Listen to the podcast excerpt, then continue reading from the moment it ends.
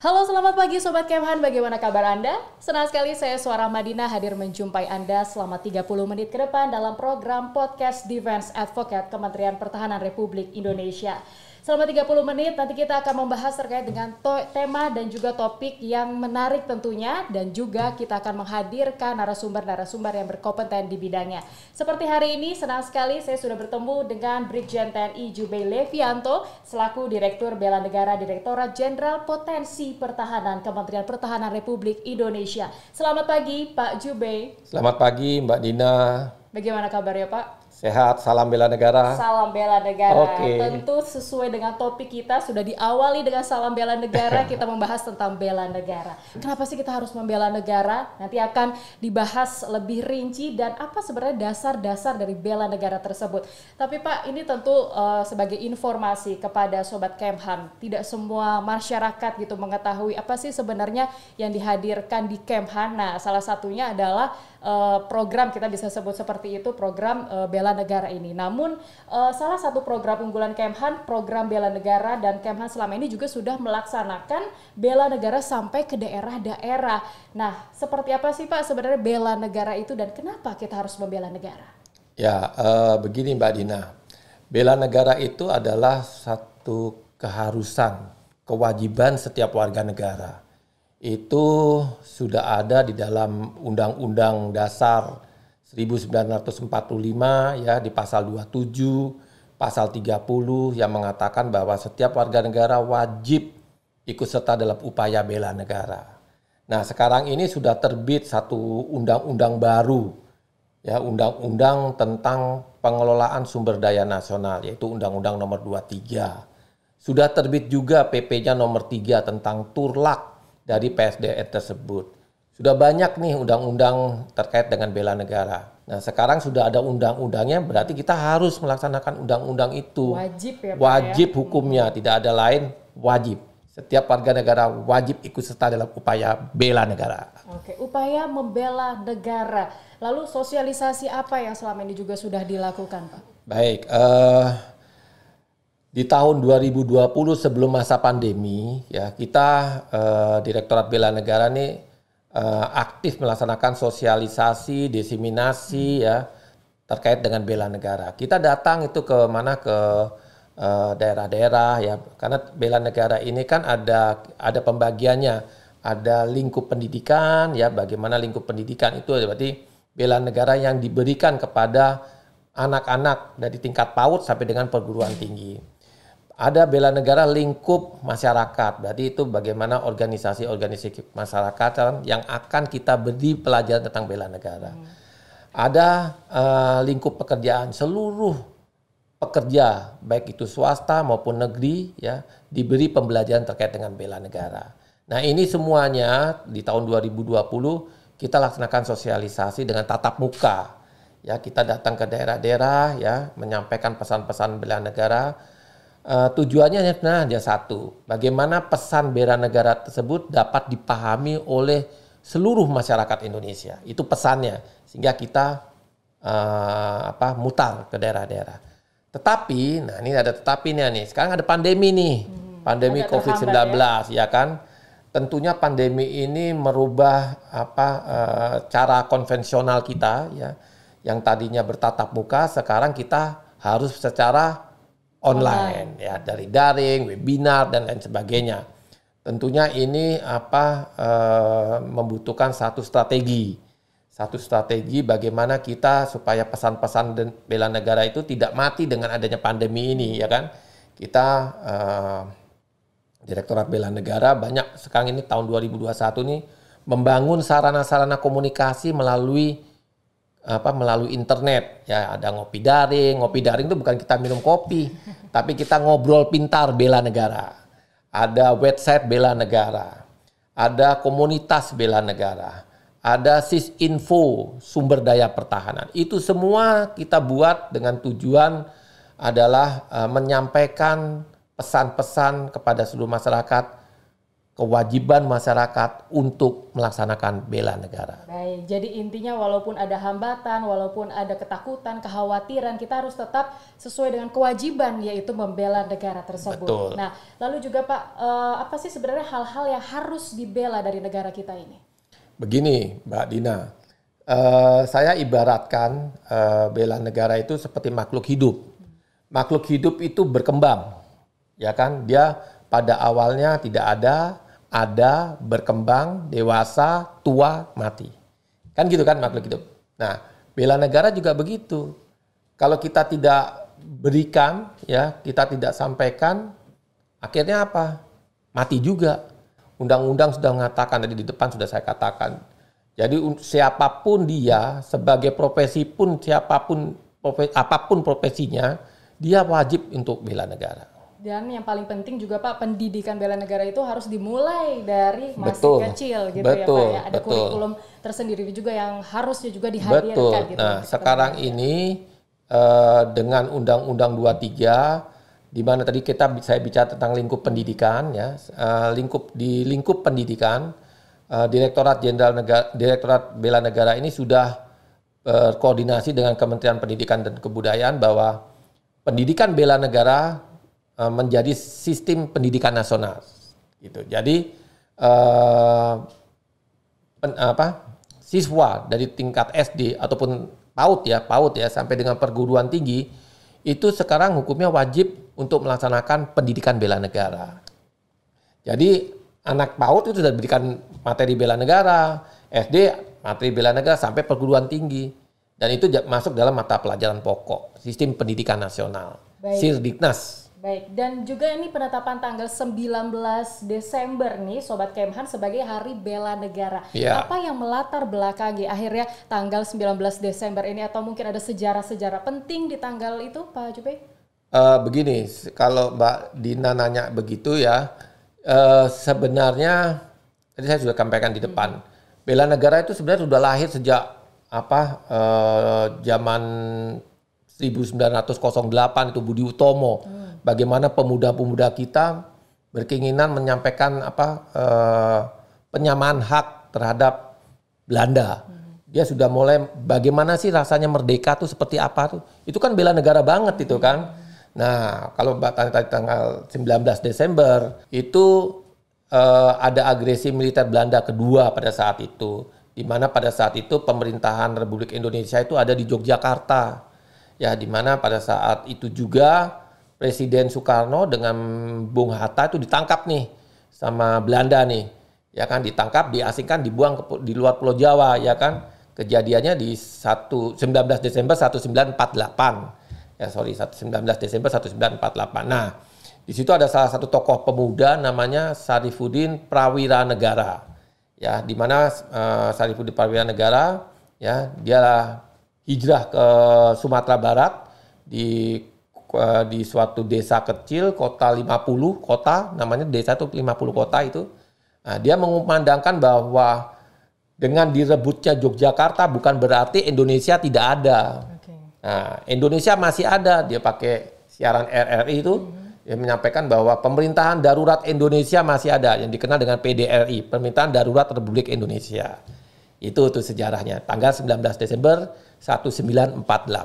Nah, dimulai dari situ ternyata sampai sekarang dan ya. sampai kita nanti mati bisa sebut seperti itu iya, kan ya. terus ditetapkan hmm. sama Pak SBY pada tanggal 18 Desember tahun 2006 sebagai Hari Bela Negara. Sebenarnya awal-awalnya sudah ada itu. Baik, gitu. biasanya mungkin ada kalau saya juga ingin tahu nih Pak, tentu kan ya. ada kegiatan-kegiatan penting nih yang dilakukan uh, dari penetapan tanggal 19 Desember itu. Biasanya hmm. mungkin ada kegiatan apa sih Pak kalau kita untuk membela negara itu? Banyak Mbak ah, kegiatan-kegiatan Hari Bela Negara itu yang sering dilaksanakan oleh Kementerian Pertahanan ya. Ya secara protokoler mungkin upacara hari besar uh, bela negara. Mungkin ada apa uh, kegiatan-kegiatan seperti parade cinta tanah air.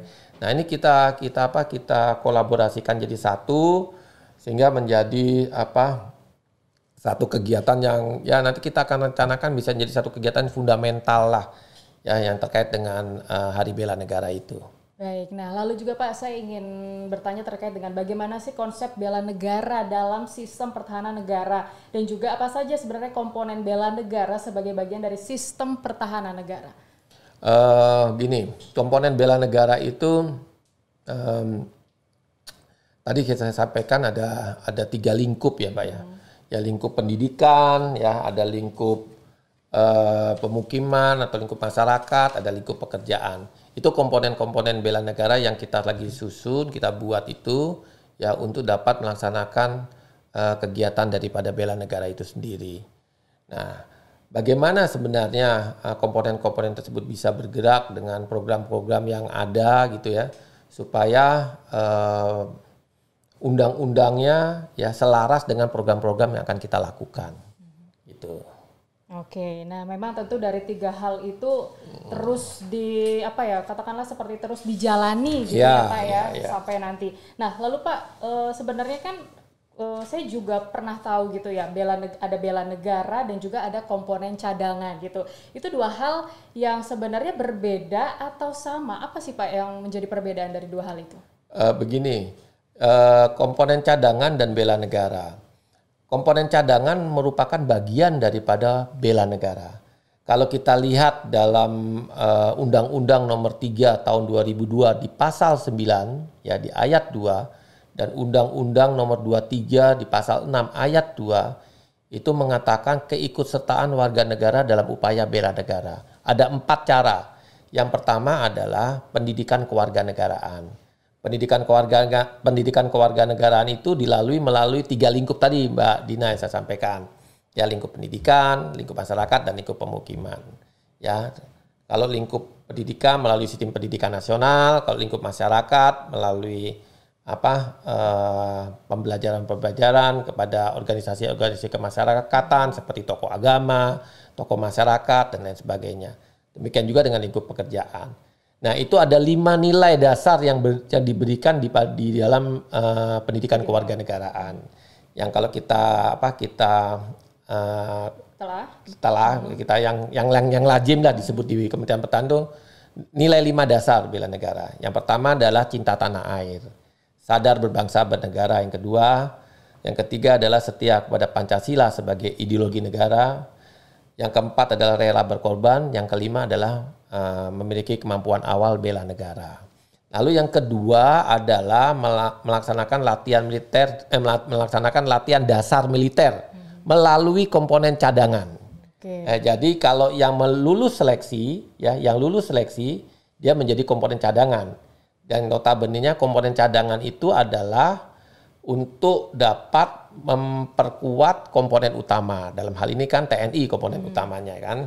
Itu juga ada tuh di Undang-Undang Nomor 3 Pasal 7 untuk menghadapi ancaman militer itu kan menempatkan komponen utama ya sebagai apa unsur utama yaitu TNI lalu untuk eh, apa dibantu oleh komponen cadangan dan komponen pendukung. Jadi kalau begitu kalau yang lulus menjadi komponen cadangan tentunya kalau untuk membantu TNI dia kan harus latihan dasar militer, gak mungkin kan dia tidak latihan dasar militer karena datang, gitu. ah, ah, jadi udah udah apa udah linier hmm. lah. Jadi Sudah untuk memperkuat TNI, nah itu. harus, hmm. harus seperti itulah. Yang ketiga adalah uh, melalui uh, militer wajib seperti saya lah nih, sukarela dan wajib sebagai prajurit TNI. Dan yang keempat adalah pengabdian sesuai dengan profesi. Baik, berarti itu. intinya adalah komponen utama, komponen cadangan, dan komponen pendukung ya. itu semua termasuk dalam bela, bela negara, negara seperti ya. itu. Baik, ya. nih kayaknya Sobat Kemhan udah semakin mengerti. Ternyata memang bela negara ini adalah hal-hal yang harus dijunjung tinggi di suatu kewajiban gitu. Dan salah satunya adalah ya komponen tadi, beberapa komponen yang juga harus kita ketahui. Nah, lalu juga Pak, eh, apa saja sih program yang sudah dijalankan eh, terkait dengan bela negara yang dilakukan oleh Kementerian Pertahanan? Waduh, banyak banget nih, nggak bosan dengarnya nanti. Nggak bosan sih Pak, tapi mungkin ada yang unggulan-unggulan karena waktu kita yeah. cuma 30 menit, nanti kan sesi yeah, berikutnya okay. mungkin ya. Jadi gini Mbak, hmm. uh, program-program yang sekarang ini di tahun 2021 ya ini ya. Uh, karena kemajuan teknologi ya kita juga dalam apa hidup dalam uh, eh, 4.0 ya kan wah, wah semuanya itu serba kita hidup sekarang dalam dunia internet kita tidak lepas dari dunia internet semuanya Gadget. kita mau ke mana selalu pakai internet ya kita harus kita harus apa ya kita harus menyesuaikan dengan kondisi seperti itu. Sehingga kegiatan-kegiatan bela negara itu saat sekarang saya sedang uh, membangun salah satu tadi apa ngopi daring, hmm. ngopi bukan ngopi daring, ngopi bela negara, yaitu ngopi pintar, ngobrol pintar terkait dengan bela negara. Kita sedang membangun web bela negara, kita sedang membangun komunitas bela negara, kita sedang membuat apa uh, sistem informasi tentang sumber daya pertahanan. Ya semuanya ini baru di tahun 2021 kita harus pandai-pandai menempatkan posisi kita. Betul. Karena kalau kita tidak cepat, kita akan terlambat. Hmm. Gitu. Nah, yang tidak akan tumbuh kembang gitu ya. Iya, gitu. Nah, terus kegiatan-kegiatan sosialisasi juga tetap kita tetap masih ada namun kita kurangi volumenya. Hmm. Ya ada ada di beberapa daerah, ada di tiga daerah. Lalu kegiatan-kegiatan seperti perbaikan-perbaikan karena tadi saya bilang ada undang-undangnya kan ada undang-undang 23 otomatis kalau ada undang-undang itu pasti ada uh, peraturan pemerintahnya, peraturan pemerintahnya pasti ada peraturan presidennya, peraturan presidennya pasti ada permennya, kan berantai semua itu. Dan itu semuanya baru. Jadi kita harus apa memperbaharui dan kita ujung-ujungnya adalah Undang-Undang Nomor 23 itu. Baik, dari uh, keseluruhan program yang mungkin belum disampaikan semua nih Sobat Kemhan sama yeah. Pak Jokowi gitu ya dari uh, banyak hal program yang saat ini dijalankan dan mungkin nantinya juga ada rencana-rencana lainnya. Mana sih Pak yang paling katakanlah yang paling dominan saat ini? Karena kan memang uh, perbedaan ada nih uh, ada hambatan seperti masa pandemi ini program mana yang nampaknya dominan nih agar masyarakat juga bisa lebih paham lagi ke depannya? Ya, program yang paling dominan terkait dengan bela negara adalah program yang bisa memberikan pesan pesan terkait bela negara ya dapat diterima oleh masyarakat luas yaitu masyarakat Indonesia ya melalui sarana-sarana yang telah kita bangun itu mbak hmm. itu seperti web bela negara ya melalui komunitas bela negara melalui ngopi daring itu seirama kita jalankan intinya tadi satu bagaimana pesan bela negara itu cepat ke apa tersampaikan ke seluruh Indonesia. Mm -hmm. Itu. Sebenarnya banyak lagi ada kegiatan apa uh, penghargaan kepada masyarakat pejuang Timur ya. Yang saat ini yang kemarin mungkin uh, kita sudah laksanakan. Sudah kita sudah laksanakan dua kali ya dua kali ya. Yang pertama di, dilaksanakan oleh Bapak Menteri Pertahanan sendiri ya. Yang kedua tim kita datang ke NTT sana. Dan nanti di selesai Lebaran ini kita juga akan melaksanakan memberikan penghargaan bela negara kepada pejuang-pejuang Timor yang dulunya dia pernah berperang di Timor Timur itu kan kayaknya sepertinya kan kita kok nggak pernah memperhatikan kan nah sekarang ini kebetulan Bapak Menteri Pertahanan ya memberikan jasa penghargaan yaitu berupa piagam bela negara dan pin bela negara. Untuk berapa orang itu biasanya Pak? 11.485 oh, orang. Saya kira hanya beberapa saja ternyata Iya banyak ya. Banyak sekali ya banyak sekali yang benar-benar mem, apa ya katakanlah mengorbankan dirinya iya, untuk membela negara gitu. ini. Jadi jangan sembarangan. Kita jangan lupa jasa pahlawan, Betul. ya. Karena kita jasa pahlawan, ntar kita dilupakan juga sama anak-anak hmm, kita. Ya, jangan sampai itu terjadi. Baik, lalu Pak, e, kalau terkait dengan di era kekinian lah masa iya. sekarang, ya. teknologi juga sudah semakin canggih. Tentu e, ada wujud-wujud uh, bela negara gitu yang dapat dilakukan juga oleh masyarakat di era sekarang ini. Apa saja sih Pak biasanya? Begini, uh, tadi di di apa ke, uh, penyampaian saya ada keikut sertaan warga negara dalam upaya bela negara di poin keempat, pengabdian sesuai dengan profesi. Jadi saya kasih contoh, profesi saya sebagai seorang TNI sekarang. Bagaimana sih saya bentuk-bentuk nilai bela negara saya sebagai seorang TNI?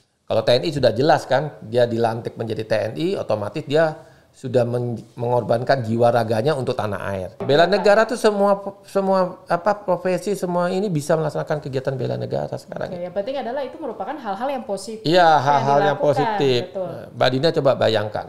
Bela negara kan tuh apa definisinya tekad, hmm. sikap, perilaku, ya kan yang yang dilaksanakan kan untuk ya untuk untuk untuk menjadi membuat kebaikan lah kira-kira seperti itulah kalau dijabarkannya. Apalagi sekarang nih udah ada amanat pemerintah nih, jangan mudik, Ya kan, jangan mudik nih. Ini salah satu bentuk bela negara loh. Betul. Nah tentu dengan hal harus kita beritahu, harus kita informasikan, harus kita sosialisasikan iya. melalui program-program iya, bela negara program, dan juga program. melalui podcast. Di iya, podcast ini, ini podcast ini penting, ini penting nih. Banget, ya. Ya. Apalagi ini podcast ini bisa ter apa tersebar, tersebar blast ke mana gitu kan wah luar biasa ini. Jadi sebenarnya untuk me, apa ya mengingatkan kembali gitu masyarakat agar mereka bisa lebih sadar lagi untuk sobat Kemhan juga. Nah tentu Pak uh, terkait dengan kesadaran tadi apa sih yang menjadi tantangan tersendiri nih perwujudan bela negara di era globalisasi dan juga kemajuan informasi yang begitu cepat apalagi teknologi 4.0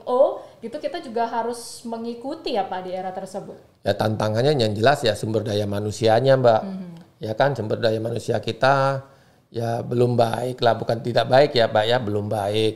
Ya mari kita tingkatkan uh, sumber daya manusia yang yang apa yang lebih unggul lah dengan mau belajar ya. Mm -hmm. Dengan situasi-situasi yang seperti ini mau berbuat sesuatu yang terbaik lah gitu. Lalu yang yang sudah baik jangan menyebarkan hoak gitu kan, mm-hmm. menyebarkan berita-berita yang tidak benar ya membuat resah dan lain sebagainya kan banyak nih kan apa teknologi ini sekarang menurut data apa data hotline itu data hotline itu itu menyampaikan bahwa jumlah penduduk kita itu kurang lebih 270 juta tapi pengguna apa handphone itu jumlahnya 318 juta berarti lebih banyak handphonenya daripada jumlah manusianya nah kalau handphonenya ini lebih banyak ya otomatis kalau disampaikan nilai-nilai yang positif sih oke-oke saja. Tapi kalau disampaikan berita-berita hoak, aduh, saya sampai saat ini masih masih apa masih prihatin lah. Ya kita semua prihatin, terutama kalau kita lihat medsos-medsos kita tuh masih banyak berita-berita hoak, berita-berita miring, berita-berita yang yang mengganggu apa cara berpikirnya anak-anak muda. Hmm. Ya kan Mbak ya terus terang aja kan Betul. itu yang mempengaruhi cara berpikir sehingga anak muda kita tuh gitu. ah, terjerumus, cepat terpengaruh ya, tidak siap menerima berita-berita itu. Baik. Itu harus kita apa ya kita beritahu lah kira-kira seperti Baik. itu. Kalau dari Kemhan sendiri tantangan untuk uh, terus menyuarakan bela negara ini apa saja sih Pak Jube biasanya mungkin bisa diceritakan nih karena kan Pak Jube udah lama sekali gitu ya dan sebenarnya bukan hmm. Pak Jube saja yang bela negara saya pun demikian. Iya. Gitu. Tapi Bapak kan punya tugas tersendiri nih apa yang sebenarnya menjadi tantangan? Uh, tantangan sih semuanya ada ya Mbak ya, tantangan tuh semuanya ada.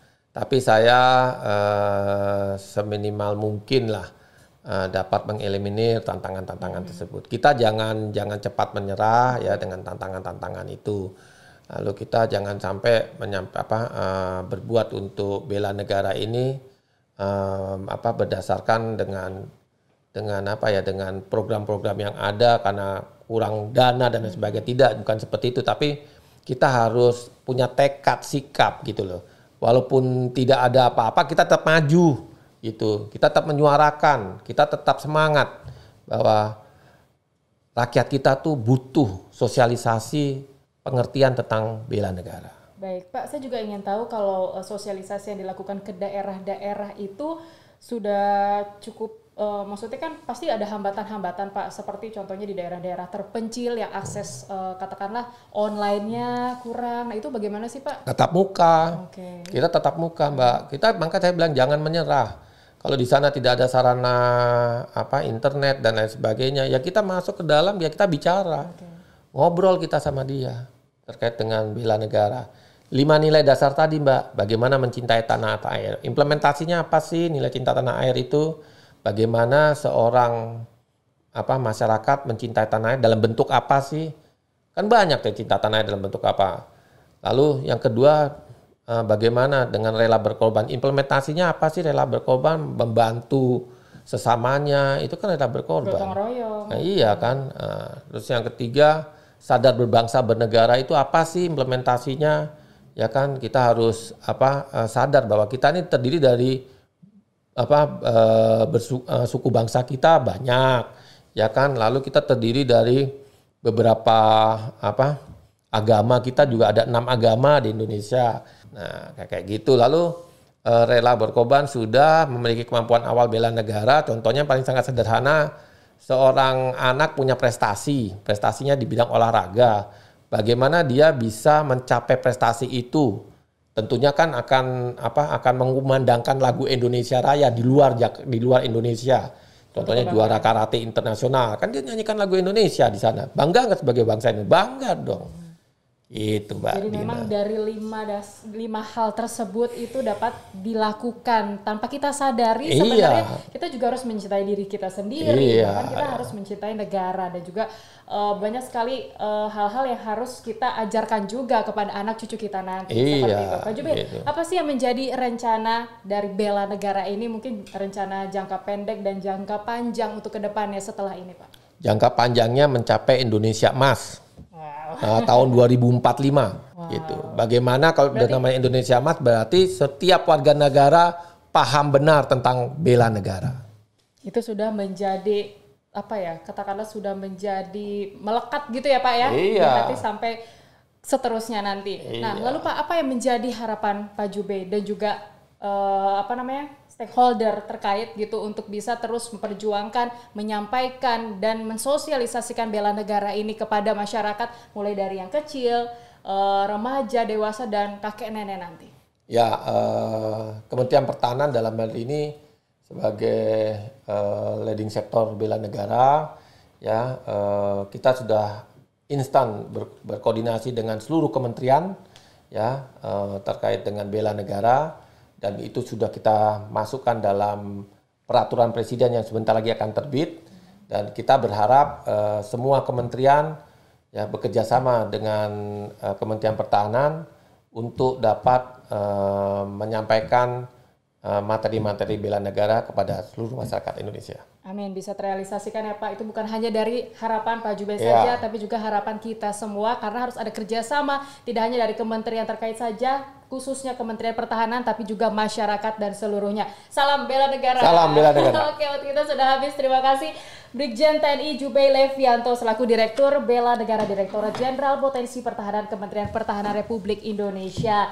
Saya Suara Madina undur diri. Terima kasih atas kebersamaan Anda. Demikianlah Defense Advocate. Sampai jumpa.